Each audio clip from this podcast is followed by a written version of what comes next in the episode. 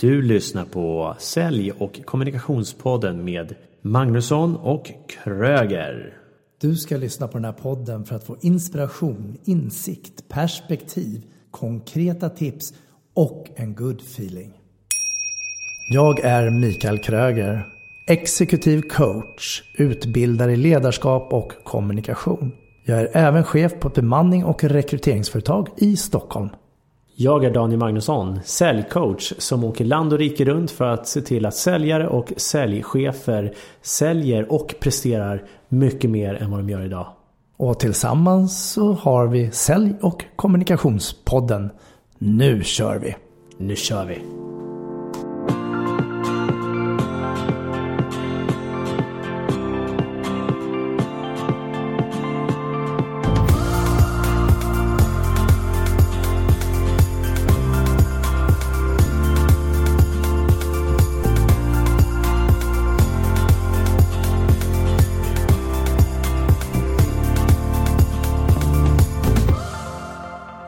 Välkomna till avsnitt 26.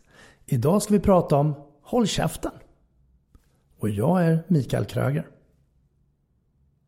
Ja, jag håller käften. Det är Daniel Magnusson här. Och det är rätt intressant att kunna prata om Håll käften i en podd. Eh, ska vi göra ett experiment och vara tysta i en stund och se om, om lyssnarna hänger kvar? Det tycker jag. Kanske vi inte gör den här gången. Men någon annan gång så sänder vi ett tyst avsnitt.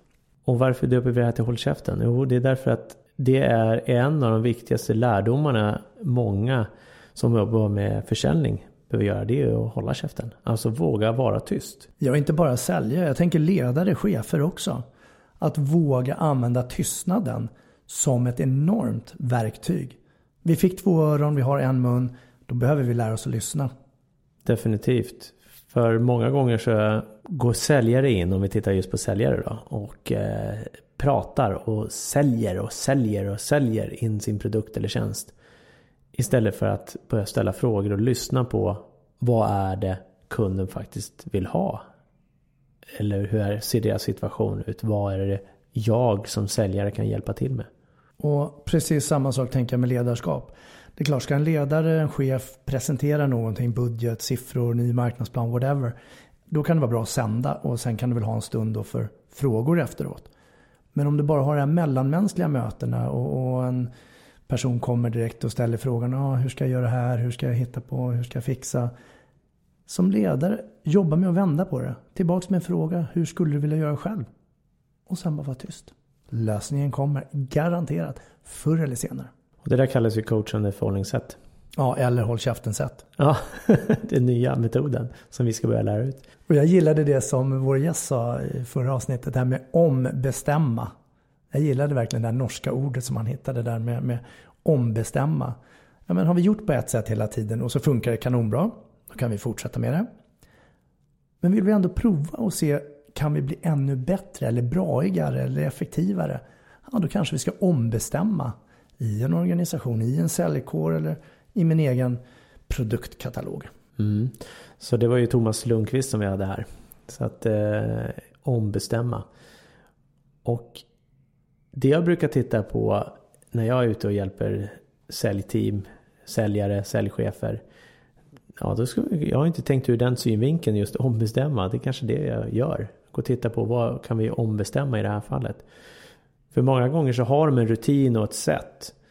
Och många gånger så vill de ju ha en förändring på något sätt. Och samtidigt så är de inte villiga att göra så jättemycket. De tror att de gör rätt redan. Och då handlar det väldigt mycket om för mig att ställa mycket frågor och lyssna på hur de gör. Och återigen lägga över bollen till, till dem många gånger också och fråga ja, men hur skulle ni vilja göra?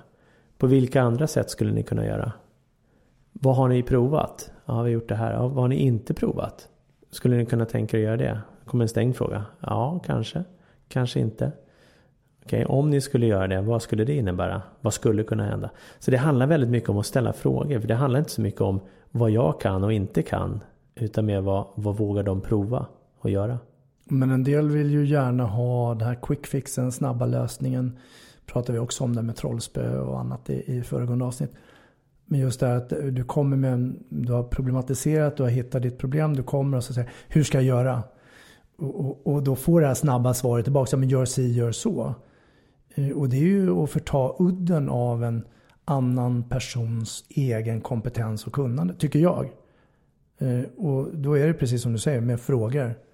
Ja, men tillbaks, ställ en fråga. Hur skulle du kunna göra? Vad är det för alternativ? Hur skulle du vilja göra? Vad är det du ser som bästa lösningen? Eller omvänt, om du var jag, hur skulle du då göra? Ja, ett sätt kan ju vara att ställa en fråga. Ja, men om du skulle rådgöra din vän, bästa vän, i samma situation som du sitter i nu. Vad skulle du säga då? Ja, men då skulle jag säga så här. Mm, vad tror du om att prova det själv? Ja, just det. Och eh, jag hade ett coachande samtal här med eh, en säljare. Och det var första samtalet och vi körde över telefon och så. Ja, vad har du för mål med dagens samtal? Han bara, va? Uh, alltså jag trodde du skulle vara mer förberedd. Nej, det är så jobbar inte jag, alltså. Utan, utan här utgår vi från vad du vill ha hjälp med, sa jag. Jaha? Ja, jag vet inte. Nej, jag vet att du inte vet. Men om du visste, vad skulle vi då prata om då? Mm. Och där i det fallet behövde jag ge lite förslag. Vi kan titta lite på det vi gjorde på kursen. Vi kan titta, ah, då, och så kom det. Och eh, personen i fråga gick ju därifrån eller la på luren och kom därifrån med nya tankar och idéer på olika angreppssätt. Och i vissa fall så behöver jag ju gå in och ge kunskap där, eller förslag och idéer egentligen. Och det tycker jag är jättebra det du säger att ja, i vissa fall. Och jag skulle till och med fråga om någon person har kört fast någonstans. De har kommit med en fråga och jag skickar tillbaka dem en fråga.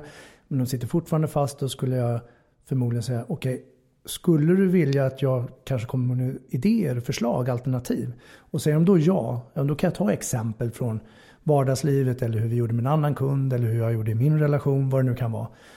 Men sen är det också viktigt att den lämnas tillbaks. Det var så jag gjorde. Hur skulle du vilja göra? Så att jag skickar tillbaks eh, problematiken från där den kom. Eh, nu blir jag nyfiken Daniel. Du är ju runt och föreläser, utbildar runt om i landet. Träffar olika säljorganisationer, säljchefer och ja, diverse andra människor. Vad är det som gör att du lyckas att få dem att lyckas?